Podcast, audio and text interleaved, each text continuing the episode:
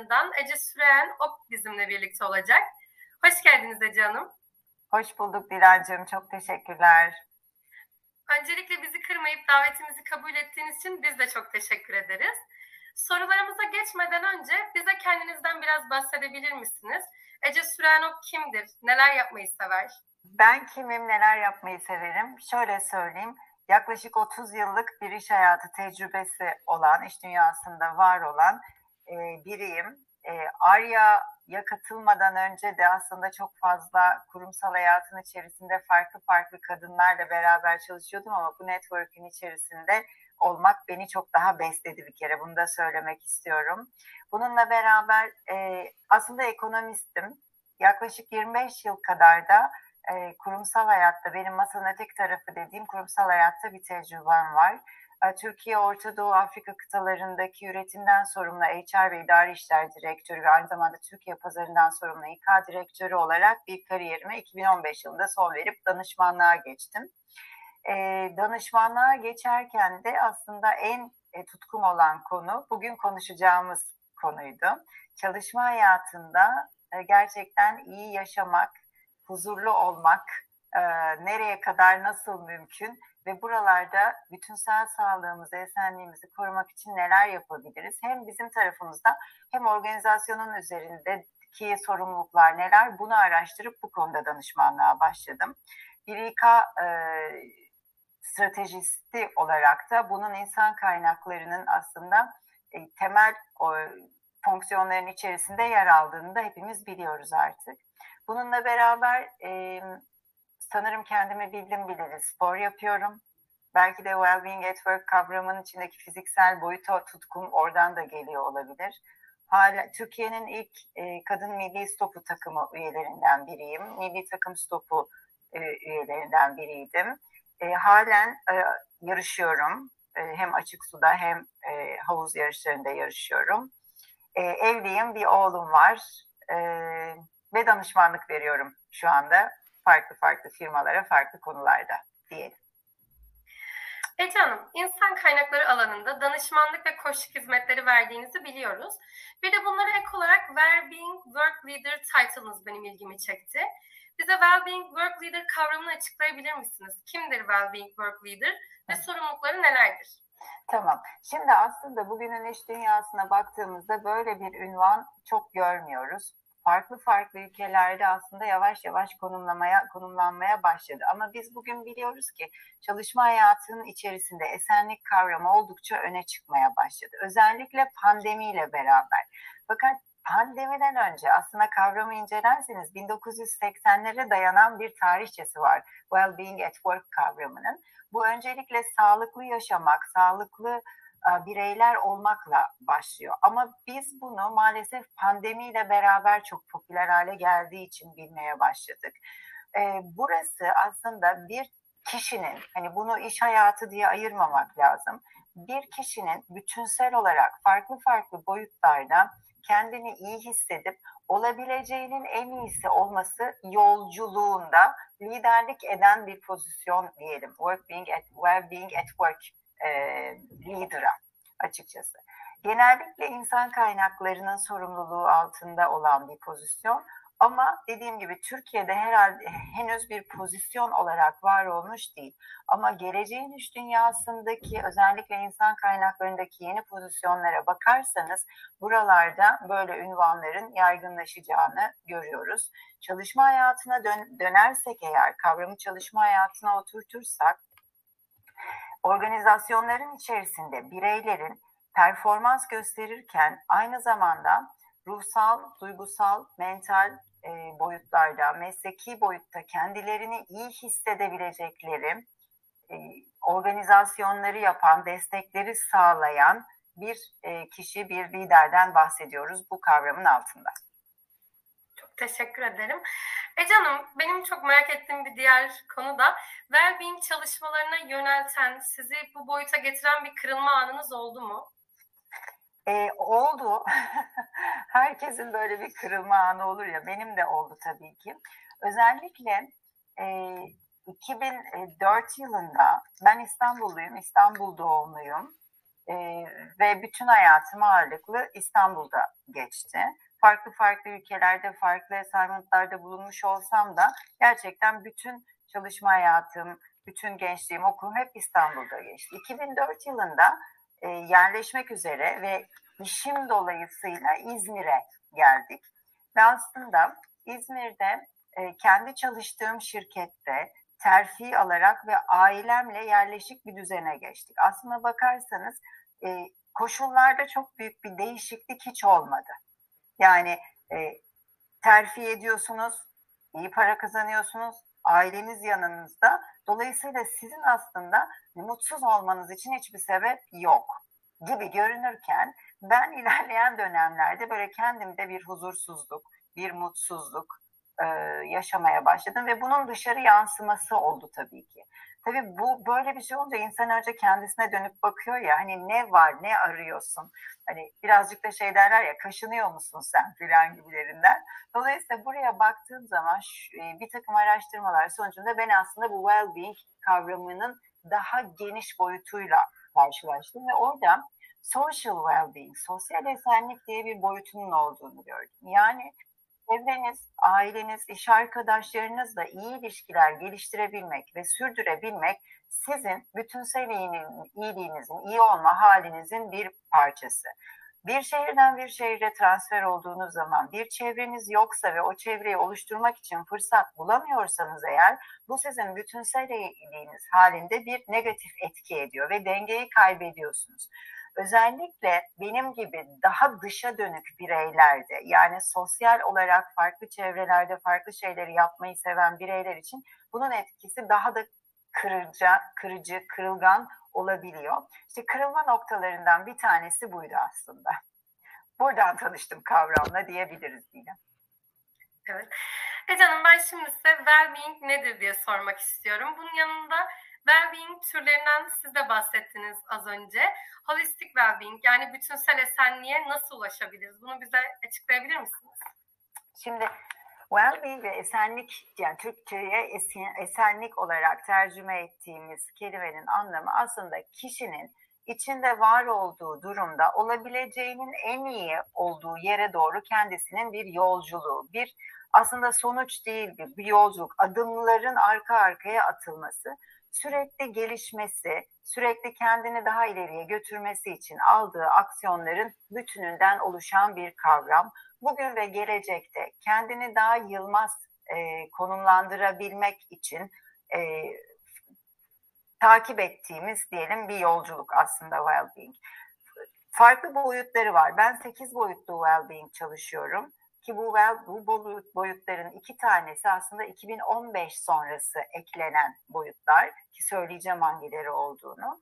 Şimdi fiziksel en çok karşılaştığımız boyut ve en çok duyduğunuz boyuttur. İş dünyasına da fiziksel olarak girer zaten. Hani iyi beslenelim, e, hareket edelim kısmıyla giren kısım. Burada unutulan ve daha sonra alt kırılımlarında yer alan bir de dinlenme boyutu var aslında. Dinlenmediğiniz zaman iyi performans göstermiyorsunuz ve özellikle iş hayatının içerisinde en çok atlanan şey bu dinlenme. Bu dinlenme de çok detaylı bir konu. Fiziksel boyutu, duygusal boyutu, sosyal boyutu, mental boyutu yani zihinsel boyutu, mesleki boyutu, bizim ilk başta beş boyut olarak geçiyor. Altıncı boyutu manevi boyut. Manevi boyut aslında inançlardan yani e, dinlerden bağımsız bir boyut. Hayatınızın amacını bulmak ve bu amaç doğrultusunda aksiyonlar alabilmek, kendi değerlerinizi bilmek ve değerlerinizi davranışlarınıza dönüştürmekle alakalı bir boyut bu. Ve bundan sonra da aslında 2015 sonrası eklenen finansal ve çevresel boyutlar var. Bu sekiz boyutta bütünsel olarak dengede kalabilmek çok önemli. Birinden biri çok yüksek olup diğeri düşük olduğu zaman dengeyi kaybeden birey bireysel esenliğini kaybediyor. Yine organizasyonların içerisine baktığınızda bir alana yatırım yapan organizasyon diğer alanda iyi değilse aslında çalışanlarını kaybediyor, performansını kaybediyor gibi bakabiliriz. Ama Dilan ikinci sorun yani hani burada nasıl iyi olabiliriz? Bu hani saatlerce konuşulabilecek bir şey. Her boyutun altında kişinin kendisini nerelerde, güçlü nerelerde gelişim alanı bulduğuna bakması, değerlendirmesi ve oralarda bireysel aksiyonlar alması gerekiyor. Çok teşekkür ederim. Peki e, bir diğer kavramımız mindfulness nedir? Evet. Aynı zamanda bir de diğer tarafından bakıp mindfulness'un ne değildir diye sormak istiyorum ben. Okay. Şimdi mindfulness aslında e, anda kalabilmek, bilinçli farkındalık olarak tercüme ediliyor ve gerçekten de bilinçli olarak farkında olmak. Şimdi beynimiz geçmiş ve e, gelecek arasında sürekli sörf yapıyor. Biz artık nörobilim sayesinde bunu biliyoruz. Geçmiş ve gelecek arasında sörf yapan beyin bir de çevrenin etkileri ve bugün e, çok fazla dışarıdan gelen etmenlerle e, dikkati dağıldığından ana odaklanmakta çok zorluk çekiyor. Bugün aslında konuştuğumuz zaman bu podcast'i yaparken bile işte yanda duran telefon, dışarıdan gelen kapı zili, arabaların geçmesi vesaire bizim hep dikkatimizi dağıtıyor ve oralardan yakaladığımız bir datayla geçmişe geleceğe gidiyor, bir şeyler düşünüyor, geleceği planlıyor.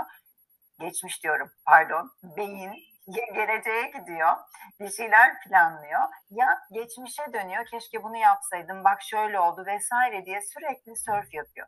Mindfulness çalışmaları aslında şu ana odaklanma çalışmaları. Bilinçli bir şekilde şimdiye odaklanma mindfulness. Mindfulness ne değil? Mindfulness meditasyon değil sadece. Genellikle aslında mindfulness dendiği zaman akla ilk gelen şeylerden biri meditasyon. Evet, mindfulness meditasyonu diye bir şey var. Bilinçli farkındalık çalışmalarında bizi şu ana getiren önemli çalışmalardan bir tanesi özellikle body scan denilen nefes alıp vererek yani beynimizi vücudunuza odaklamanız ve şu ana gelebilmenizi sağlayan bir yöntem. Ama sadece meditasyon değil. Yani e, spiritüel bir boyutta değil mindfulness çalışmaları. Çok teşekkür ederim Ece Hanım. Peki e, mindfulness ve well-being arasında nasıl bir ilişki gözlemliyoruz? Hı hı. E, mindfulness çalışmalarını biz well-being'in içerisinde hem duygusal boyutta hem mental boyutta özellikle çok fazla kullanıyoruz. Neden? Şimdi zihinsel boyutta ne dedik? Beyinle alakalı ya beynimizin içerisinde sürekli kaygılar, endişeler. Şimdi bugüne de baktığınızda özellikle hani 21. yüzyılın gençleri, iş yaşamı falan konuşurken her birimizin çok farklı farklı kaygıları, endişeleri var. Kaygı ve endişeye takıldığınız zaman pozitif düşünme, olumlu bakış açısı bunlardan hep uzaklaşıyoruz ve sürekli negatif bir ortamda beynimizi tutuyor olmak bizim duygusal, fiziksel esenliğimize de negatif etkide bulunuyor. Dolayısıyla aslında geçmiş bitti, gelecek gelmedi, olmuş ve olmamış için endişelenmek bizi şu andaki performansımızdan uzaklaştırıyor. O yüzden biz mindfulness çalışmalarıyla şimdiye odaklandırarak aslında hani geçmişten ders alıp geleceği tasarlamak üzere şu anı değerlendirmek için çalışıyoruz. Birinci kısmı bu aslında bağlantının. İkincisi mesela duygusal boyutta e, özellikle duygusal esenlikte biz e, duygusal zeka, duygusal çeviklik gibi konuları konuşuyoruz. Kendi duygularınızı anlayabilmek için de şimdi kendinize dönebilmeniz lazım.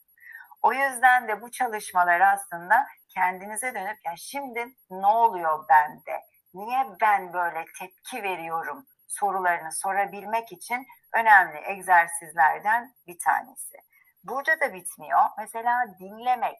Bugün iş dünyasına baktığınız zaman birçok danışanlarımda mesela ben etkin dinleyemiyorum diyor.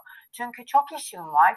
Ona da bakıyorum, buna da bakıyorum ve aslında sen anlat ben seni dinliyorum diyorum ama biliyorum diyor dinleyemiyorum ben orada bir mesaj yazıyorum vesaire işte bilinçli olarak dinleyebilmek de bir mindfulness çalışması aslında karşıdakine odaklanabilmek.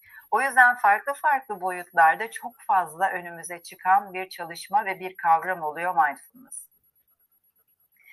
Ece Hanım, mindfulness ve well-being kavramlarını teorik olarak anladığımıza inanıyorum. Şimdi en önemli soru bunları pratikte nasıl uygulayabiliriz? İş veya eğitim hayatımıza, özellikle ilişkilerimize bunları nasıl entegre edebiliriz?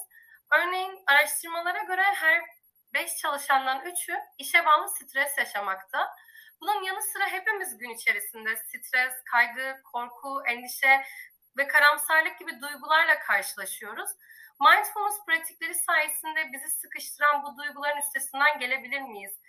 Bize önerebileceğiniz pratikler var mıdır? Birincisi evet gelebiliriz ama şunu söyleyeyim bu gerçekten sürdürülebilir çabayla olan bir şey. Bir iki defa yaptığınızda aslında evet faydasını görüyorsunuz ama tabii işte günün akışından unuttum, bugün yapamadım vesaire gibi bir şey olunca aslında onun faydasını çok fazla görmüyoruz. Şimdi gün içerisinde mindfulness çalışmalarını pratiğe dökebilmek için size ne uyuyorsa onu yapmak bir kere çok önemli. E, internette bir sürü pratik var. Hepsini deneyebilirsiniz, bulabilirsiniz. Bence mindfulness ile ilgili çok şey yazılıyor, çözülüyor. Çoğu da doğru bu arada açıkçası. Ama pratiklerden bir tanesi mesela şöyle yapabilmek önemli. Karşımdakini dinlerken, dinleme eğer benim gelişim alanıysam, ben onu nasıl dinliyorum? Bir kere mindfulness pratiklerini meditasyondan uzaklaştırırsak, birinci adım bu ben gerçekten karşıdakini nasıl dinliyorum? Acaba dinlerken kendi vereceğim cevabı mı tasarlıyorum beynimde? Ya da ben onu dinlerken onun söylediği bir kelime beni başka diyarlara mı götürüyor, orayı mı, güzel anıları mı mesela düşünüyorum? Ya da gelecekte ah ben de şöyle yapayım vesaire gibi farklı planlara mı gidiyorum? Tamamen karşındakine odaklanmak aslına bakarsanız çalışmalardan bir tanesi dinleme konusunda anda kalabilmek için. Ama bunun dışında mesela e, bunu ben çok fazla yapıyorum ve bunu ben sonradan öğrendim. E, eğer spor yapıyorsanız, yürüyorsanız ya da herhangi bir yürüyüş yapıyorsanız genelde ne oluyor? Yürürken hep bir şey düşünüyoruz değil mi? Yürürken düşündüğünüz şeylerde aslında iyi ve verimli şeyler de düşünebiliyoruz ama anda kalma pratiklerinin en basitidir bu yürürken beyninizi şu ana odaklamak. Yani yürüyüşünüze odaklamak. Koşuyorsanız koşunuza odaklamak aslına bakarsanız. E, koşarken podcast dinliyorum, müzik dinliyorum vesaire. Aslında siz koşarken koşuyu otomatik pilota alıyorsunuz. O otomatikman biliyor vücut koşmayı çünkü. Bacaklar adım atmayı biliyor. Bu e, frontal korteksten çok düşünerek gelen bir şey değil aslında. Otomatikman yapıyorum otopilotta. Arkada da müziği dinliyorum, podcast'i dinliyorum. Şimdi bunun ne zararı var? Aslına bakarsanız koşarken ya da yürürken etrafınıza bakmadığınız için etrafınızda ne olduğunu algılamıyorsunuz. O an siz orada değilsiniz. Müziğin ya da podcast'in sizi götürdüğü bir yerdesiniz. İkinci zararı ne? Yine yine koşarken ya da yürürken adımlarınıza dikkat etmediğiniz için aslında gerçekten benim için uygun bir tempoda mı yürüyorum ya da koşuyorum? Ayağımın burkulmasına sebebiyet verecek bir çukuru kaçırıyor muyum? Bir taşı kaçırıyor muyum gibi aslında hiç fark etmediğiniz tehlikelere açık olabiliyorsunuz. O yüzden mesela bu da çok önemli pratiklerden bir tanesi. Ama bir e, yine her yerde body scan diye yazarsanız çıkabileceği nefes alıp verirken e, vücudunuza odaklanacağınız bir pratik var.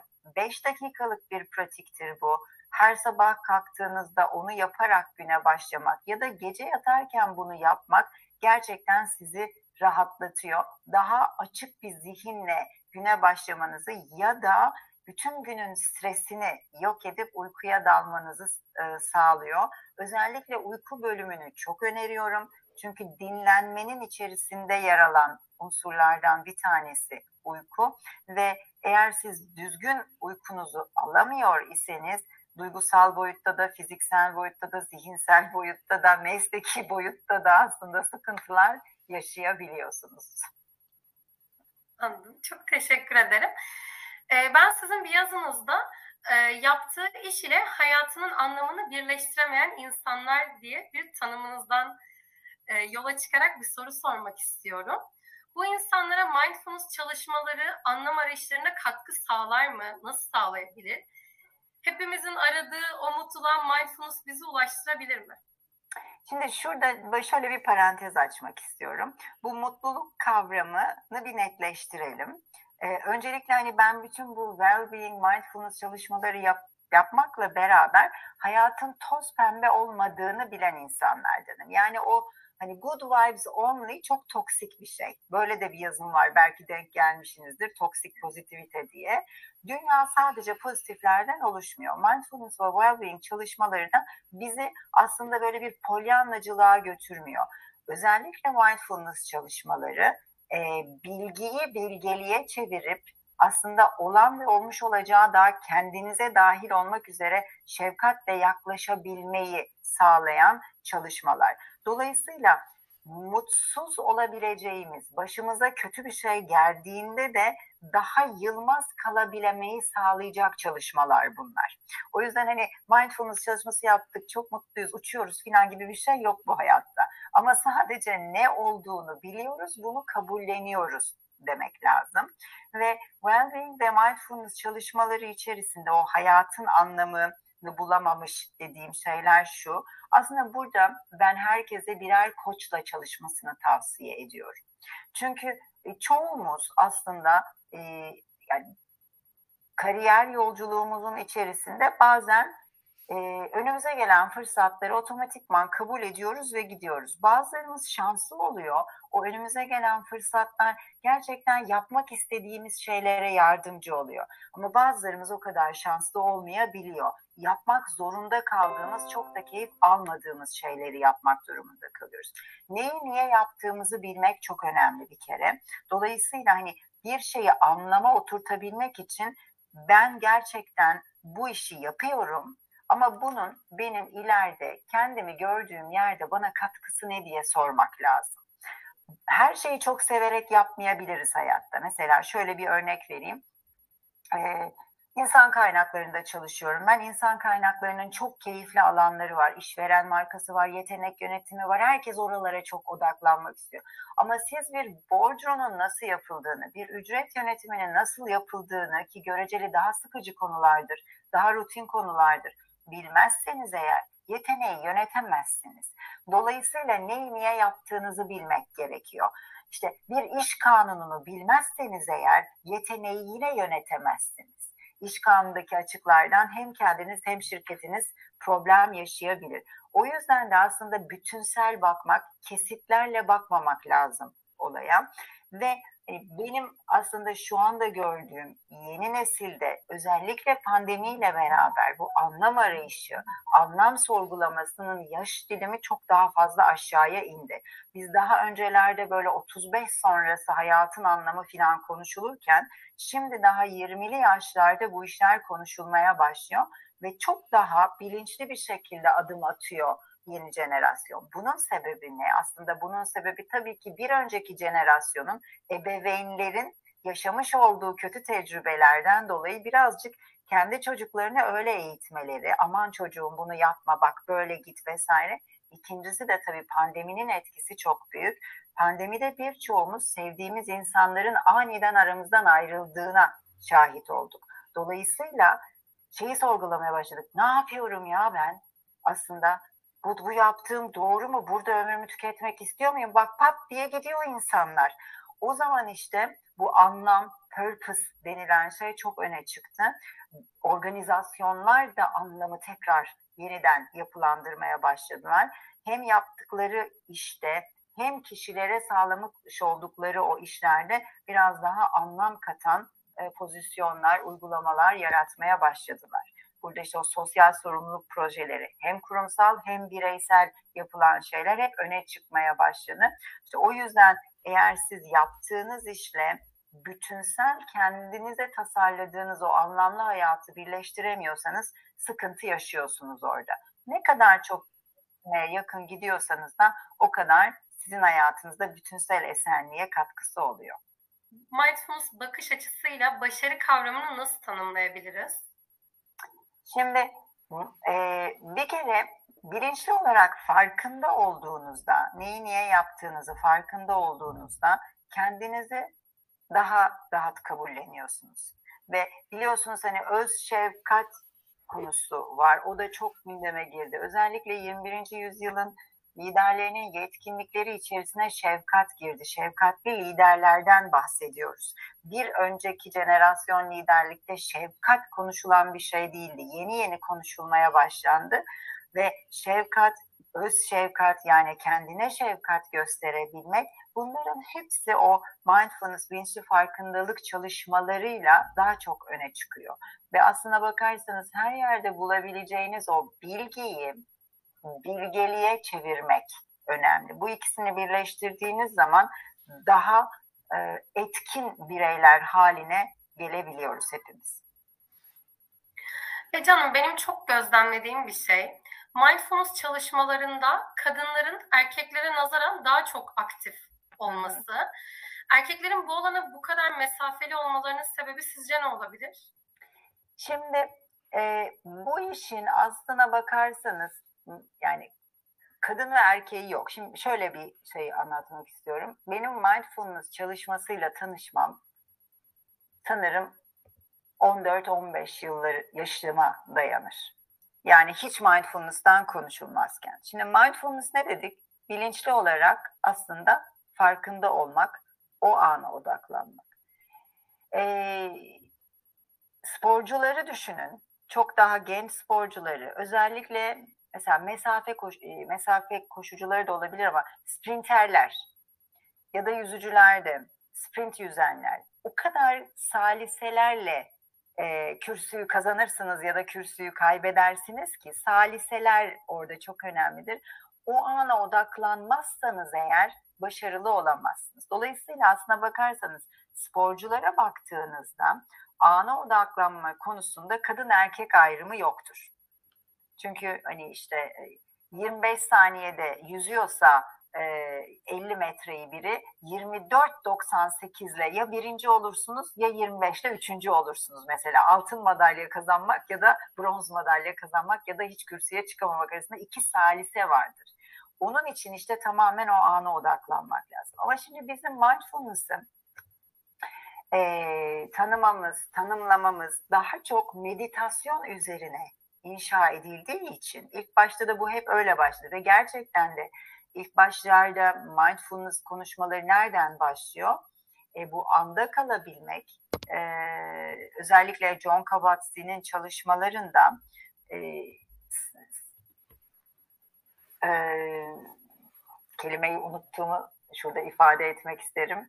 E, Manastır'da yaşayan rahiplerin, o turuncu rahiplerin aslında çalışmalarıyla başlıyor mindfulness kavramını öğrenmemiz. Daha sonra o savaş sonrası ülkeye dönen savaş travmaları yaş travmalarını yaşayan bireylerin gerçek hayata adaptasyonu konusunda çalışmalara e, devam ediyor. Şimdi buralardan başladığınız zaman tabii ki işin biraz daha hani spiritüel, travma tedavisi vesaire gibi kavramları aslında eril enerjiye yani erkeklere çok yakın gelmeyebiliyor her zaman.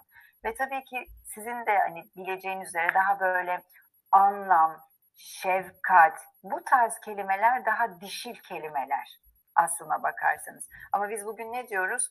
Liderliğin içerisinde dişil enerjinin çok önemi var. Onu yukarı çekmemiz lazım ki aslında dengede olsun. O eril enerjinin o savaşçılığıyla dişil enerjinin besleyiciliği bir arada olursa daha dengede liderlik modeli olur. Şimdi erkeklerin uzun dönem bundan uzak durmasının sebebi bu birazcık işte performans değil, savaşçı değil bu enerji. Bu daha iyileştirici bir enerji. Ama şimdi yavaş yavaş buraya çok odaklanıldığını görüyoruz. Benim birçok danışanım aslında işte demin söylediğim ekip üyelerinin duygusal zekalarını kullanabilme konularında bu çalışmaları yapmaya başladı.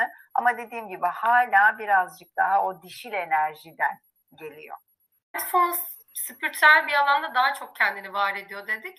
Ama maalesef bu alanlarda yönelik korkunç bir ön yargı da mevcut. Biz bunu nasıl baş edebiliriz? Şimdi şöyle, bu gerçekten e, şimdi elle tutulmayan her konuya karşı tabii ki ön yargımız olabiliyor. Bu da doğrudur. Bir de bazı kavramlar e, tüm dünyada çok kirletiliyor diye düşünüyorum. Yani mesela koçluk da böyle bir şey. Hani baktığınız zaman aslında bir şey ben 2006 yılında koaktif koç oldum. 2006 yılında Türkiye'de koçluk diye bir kelime yoktu. Biz ilk koç olduğumuz zaman ilk bir gruptur koaktif ekolünde koçlar. E, biz bile şey dedik yani biz bu işi nasıl yapacağız acaba diye baktık. Hani çok enteresan geldi ama şimdi her yer koç aslına bakarsanız. Ben yaklaşık bir seneden fazla bir koçluk eğitimi aldım. Şimdi iki günlük eğitimlerle koç olunabiliyor. Dolayısıyla bazı yani bazı kavramlarla çalışacaksanız eğer gerçekten güvenilirliği test edilmiş, onaylanmış bireyler, e, o organizasyonlarla çalışmanızı öneriyorum ben. Mindfulness'ta da aynı şey. Her meditasyon yaptıran mindfulness uzmanı değil. E, well-being de öyle bir kavram haline geldi. Herkes bir well-being uzmanı olsun da bu arada çok güzel insanlar bunlara ilgi duysun ama eğer sadece e, pilates yapalım, kereviz sapı yiyelim, hadi bugün portakal suyu içtik demek well-being değil. Bunu artık bilelim. Farklı farklı boyutları var ve her boyut dengede olmazsa siz istediğiniz kadar kereviz sapı yiyin. Finansal esenlik olmadığı zaman olmuyor bu iş mesela gibi. Dolayısıyla hani buna bütünsel bakmak gerekiyor. O yüzden de hani herkese tavsiyem herhangi bir aksiyon almadan önce, herhangi biriyle çalışmadan önce araştırıp sormak gerçekten. O bir de o kişiyle çalışacaksanız eğer her zaman o kişinin enerjisi size, sizinle tutmayabilir. Çok iyi olabilir o kişi. Gerçekten çok başarı e, skalasına baktığınız zaman çok iyidir ama enerjiniz tutmayabilir. Siz ondan faydalanamayabilirsiniz. O yüzden buralarda mesela herhangi bir çalışma yapmak isteyen varsa hep şeyi öneririm ben. Bir konuşun, bir tanışın. O enerjiyi bir alın. O size uymuyorsa iki taraf için de vakit kaybın aslına bakarsınız. Hayatta tek geri alamadığımız şey aslında zaman. Harcadığımız zamanı geri alamıyoruz. O yüzden hani bu çok kıymetli. O e, nasıl aslında burada hani doğru kaynağı bulabiliriz derseniz bunu öneririm ben size. E canım benim çok merak ettiğim bir diğer sorum ise e, siz bir Arya kadını olarak mindfulness ve well-being üzerine olan gelişim yolculuğunuzdan bize bahsedebilir misiniz? Bu süreçte nasıl bir yol izlediniz? Ben aşırı merak ediyorum. Tamam. Çok teşekkürler. Şimdi e, ben size söylediğim gibi 2004 yılında hani o kırılma anından sonra araştırmalarıma başladım ve 2007 yılında kendi şirketim içerisinde bir takım uygulamalara yavaş yavaş başlamıştım. Bu uygulamalara başlarken de mesela ilk yaptığım şey tabii bütün organizasyonlarda mesela fiziksel kısmı uygulamak şirketlerde daha kolay oluyor. Mesela ne oluyor? Çalıştığınız organizasyonun e, öğle yemeği sunan servis e, sağlayıcısıyla mesela işte yemeklerin yağ oranını araştırmak, şirkete bir diyetisyen tutmak, getirmek, şeker hastası varsa organizasyonunuzda onun verimliliğe olan ve işte şeker hastası sinir yapıyor. Organizasyondaki o agresyonu azaltmak için ne gibi önlemler alınabilir gibi araştırmalar ve desteklerle başladım. Kendim 2011 yılında Zumba Fitness eğitmenliği sertifikası aldım ve şirkette Zumba Fitness yaptırmaya başladım ve daha sonra bunu sosyal sorumluluk projelerine çevirerek şirketin bir Zumba Fitness takımıyla önce ALS, sonra meme kanseri, sonra e, çocukların yararına farklı farklı organizasyonlarda fon yarattığımız, bağış topladığımız etkinliklere katıldık. Bakın fizikselin aslında manevi boyuta etkisini görüyorsunuz burada ve aslında sosyal esenlik, birlikte bir şey yapıyoruz, bir şey başarıyoruz gibi. Bunları yaptıktan sonra 2015 yılında danışmanlığa çıktığımda ben aslında bunu yaygınlaştırmak istedim. Benim adımım buydu. Yani organizasyonların, şirketlerin elinde bütçeler var, kaynaklar var. Bu kaynakları çalışan esenliği üzerine bilinçli şekilde kullanmak aslında herkesin hayrına oluyor. Çünkü organizasyonlarda yani şirketlerde bir takım aksiyonlar alınıyor ama bunlar X departmanın, Y departmanın kendi kendine yaptığı bir şey ve bütünsele hizmet etmiyor. Bizim kurumsal olarak vizyonumuza hizmet eden esenlik çalışmaları neler? Bunun altında neler yapıyoruz, neler yapabiliriz aslında tasarlayıp yaymak için ben bu girişim adımını attım. E, tabii şöyle söyleyeyim, e, çok başarısız oldum. 2015 yılında bu konuyla danışmanlığa ilk başladığımda hep anlatırım hikayemde.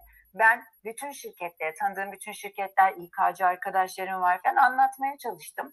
Valla çoğundan şey cevabı aldım. Ya çok güzel Ece, çok iyi şeyler anlatıyorsun da bizim şirkete olmaz bunlar daha. Hani daha çok yolumuz var bizim. Bunlar çok soft skill'ler falan gibi konular gelmeye başladı ama e, sağ olsun destekleyenler oldu. Ya bir bakalım, bir dinleyelim, sen bir anlat diye. Ben de gerçekten bir sene boyunca hani, bulabildiğim her yerde bu konuyu anlatmaya başladım. Ve mesela 2015 yılında şunu söylüyordum ben, çalışanların çoğu esnek ve uzaktan çalışmak istiyorlar. Araştırma sonuçları var. Araştırmalara bakın bunu göreceksiniz dediğim zaman nasıl kontrol edeceğiz iş kanunu şöyle bir sürü itiraz geldi. Ne oldu? Pandemi patlayınca hepimiz yapabildik bunu. Demek ki olabiliyormuş. Ama çalışan bunu istiyordu zaten. Dolayısıyla benim girişimim aslında biraz kendi tecrübemin yansıması doğrultusunda e, özellikle Türkiye'de, içinde bulunduğumuz region'da çalışma hayatını daha iyileştirmek üzere başladığım bir e, girişimdi. Benim yolculuğum böyle başladı. E canım peki biz böyle bir girişimde bulunmak istersek nasıl bir yol izleyebiliriz? Nereden başlayabiliriz? Bize tavsiyeleriniz neler olur? E, biz böyle bir girişimde bulunmak istersek dersekken neyi anlamam lazım? E, benim gibi bunu dinleyen birçok insan, bu alana ilgi duyan, bunu yapabileceğine inanan ama nereden başlayacağını bilemeyen bazı okay. insanlar. Şöyle söyleyeyim. Birincisi yani hani böyle well-being at work çalışmak istiyorsanız gerçekten literatürü iyi bir araştırmak lazım. Bunun yeni bir şey olmadığını hepimiz biliyoruz. Ama tabii ki boyutları e, hem teknolojinin hem ihtiyaçların hem jenerasyonların bir arada çalışması nedeniyle farklılaşıyor artık. E, kavramları iyi oturtmak lazım ve eğer böyle bir şey yapmak istiyorsanız hangi boyutta, hangi şirketin nerelerde nasıl gelişim alanları var bunu iyi e, öğrenmek, iyi gözlemlemek, iyi iletişim kurmak lazım. Ve tabii ki e, açıkçası söylemek gerekirse çok fazla araştırma var, çok güzel araştırmalar var, çok güzel uygulamalar var. Dünyaya biraz bakmanızı öneririm. Dünyada çok güzel şeyler oluyor. Tabii hani her şey çok güzel değil ama çok güzel şeyler oluyor bu e, konularda. Nasıl ben şunu söylüyorum? Araştırmalar diyordu ki 2015 yılında artık insanlar uzaktan çalışmak istiyor. Biz 2020'lerde geçebildik. Şu anda da mesela çok büyük e, bir takım trendler var. O trendleri takip etmenizi öneririm. Özellikle İK konusunda yani Future of Work, geleceğin iş dünyasında neler bekliyor, neler tasarlanıyor? Biraz fütüristik bakış açısı e, bunu insan olmayla birleştirmek lazım. Fütürizm denildiği zaman her zaman bir robotlar gelecek, robotlar, robotlar onu konuşuyoruz, metaverse konuşuyoruz. Ama bunun içinde insan olmak, onun altındaki unsurlara e, önem vermek, onları besleyecek, büyütecek noktalara odaklanmanızı öneririm. Çok teşekkür ederiz. Ee, son olarak sizden bizim için kitap ve film önerisi alabilir miyiz? Tabii ki ya kitap çok var. Şimdi şöyle bir şey söyleyeceğim. Ben well-being ve mindfulness çalışmaları yaparken hep şunu söylüyorum. Bunu bünyenize, bu alışkanlıkları bünyenize katmazsanız bu böyle hoş bir seda olur. Dolayısıyla burada önemli olan noktalardan bir tanesi hedef koyabilme becerisi. Ve bu konulardaki hedefleri gerçekten performans hedefi gibi tasarlamak lazım. Yani biz ne diyoruz? Smart hedefler olsun, spesifik olsun, ölçülebilir olsun, zaman bağımlı olsun, biraz zorlayıcı olsun ama ulaşılabilir olsun diyoruz ya hedef koyarken. İşte kendi well-being'inizi arttırırken koyacağınız hedefleri de böyle tasarlamak gerekiyor. Ve bu doğrultuda da öncelikle ilk önereceğim şeylerden biri kitap değil ama o manevi boyuttaki anlamı bulabilmek. İlk önerim bu olur burada kendinizi geliştirmek için. Şöyle düşünün, eğer o bütünsel anlamı bulamazsanız altta yapacağınız her bir aksiyon bölük pörçük olacaktır. Şirketin bir vizyonu var. O vizyonu doğrultusunda stratejileri, taktikleri, operasyonel aksiyonları var. Biz de öyle bakacağız kendimize. Büyük bir vizyonumuz var. Nereye gitmek istiyorum? O doğrultudaki stratejimle, taktiğimle aktivitem ne olacak diye. İlk buradan başlamayı öneriyorum. Bununla beraber bunu hayatın içine entegre etmek için Alışkanlıklar diye bir kitap var. Habits diye bir kitap var. Bunu çok öneririm. Herhangi bir aksiyonu hayatınızda rutin alışkanlığa nasıl çevireceğinizi gösterir. Yine alışkanlıklarla ilgili Atomic Habits, Atomik Alışkanlıklar diye bir kitap var. Bunu da çok öneririm. Mindfulness konusunda her yerde kaynak var. Google'a girin hepsi doğrudur bu arada. Ama Mindfulness in 8 Weeks diye 8 haftada mindfulness çalışmaları diye bir kitap var. Hafta hafta pratik yaptırır mesela. Güzel bir kitaptır. Bunu da öneririm. Ee, Wellbeing konusundaki araştırmaların alt kırılımlarında farklı boyutlarda kitaplar bulabilirsiniz. Duygusal esenlik konusunda okumadıysanız duygusal zeka Daniel Goleman kesin okumanız gerekiyor. Social Intelligence yine Daniel Goleman'ın sosyal zeka kesin okumak gereken kitaplardan. Susan um, David'in Emotional Agility'si, Duygusal Çeviklik kitabı, Viktor Frankl'ın Hayatın Anlamı, bunlar gerçekten e, başucu kitapları. Don Miguel Ruiz'in Dört Anlaşması, olmazsa olmaz kitaplardan diye önerebilirim. Yani beni bıraksanız kütüphane sayarım tabii burada ama bunlar gerçekten bir nefeste söyleyebileceklerim. Son zamanlarda mindfulness çalışmaları üzerine çok güzel belgesellerden bir tanesi. E, hepiniz Thor'u tanırsınız. Chris Hemsworth. Chris Hemsworth'ın Limitless, Limit Yok diye bir belgeseli var. E, onu izlemenizi öneririm. Özellikle buz gibi suda mindfulness çalışmaları ve nefes çalışmalarıyla nasıl yüzebildiğini gösteriyor. E, bunlar ilk böyle bir çırpıda önereceğim e, kitap ve filmler ama mesela herhangi bir e, sporcunun hayatını e, içeren gerçek hayat hikayelerini izlediğinizde onun çalışmalarına nasıl konsantre olduğu, onun maç, yarış anındaki konsantrasyonu çok güçlü mindfulness çalışmalarıdır aslında. Bunları da tavsiye ederim. Çok teşekkür ederiz Ece Hanım. Ee, bugün burada olduğunuz için de ayrıca tekrardan teşekkür etmek istiyorum. İyi ki geldiniz, iyi ki bizimlesiniz. Tekrardan görüşmek üzere. Çok çok teşekkür ediyorum. Sohbet harikaydı. Ne zaman isterseniz yine sohbet ederiz.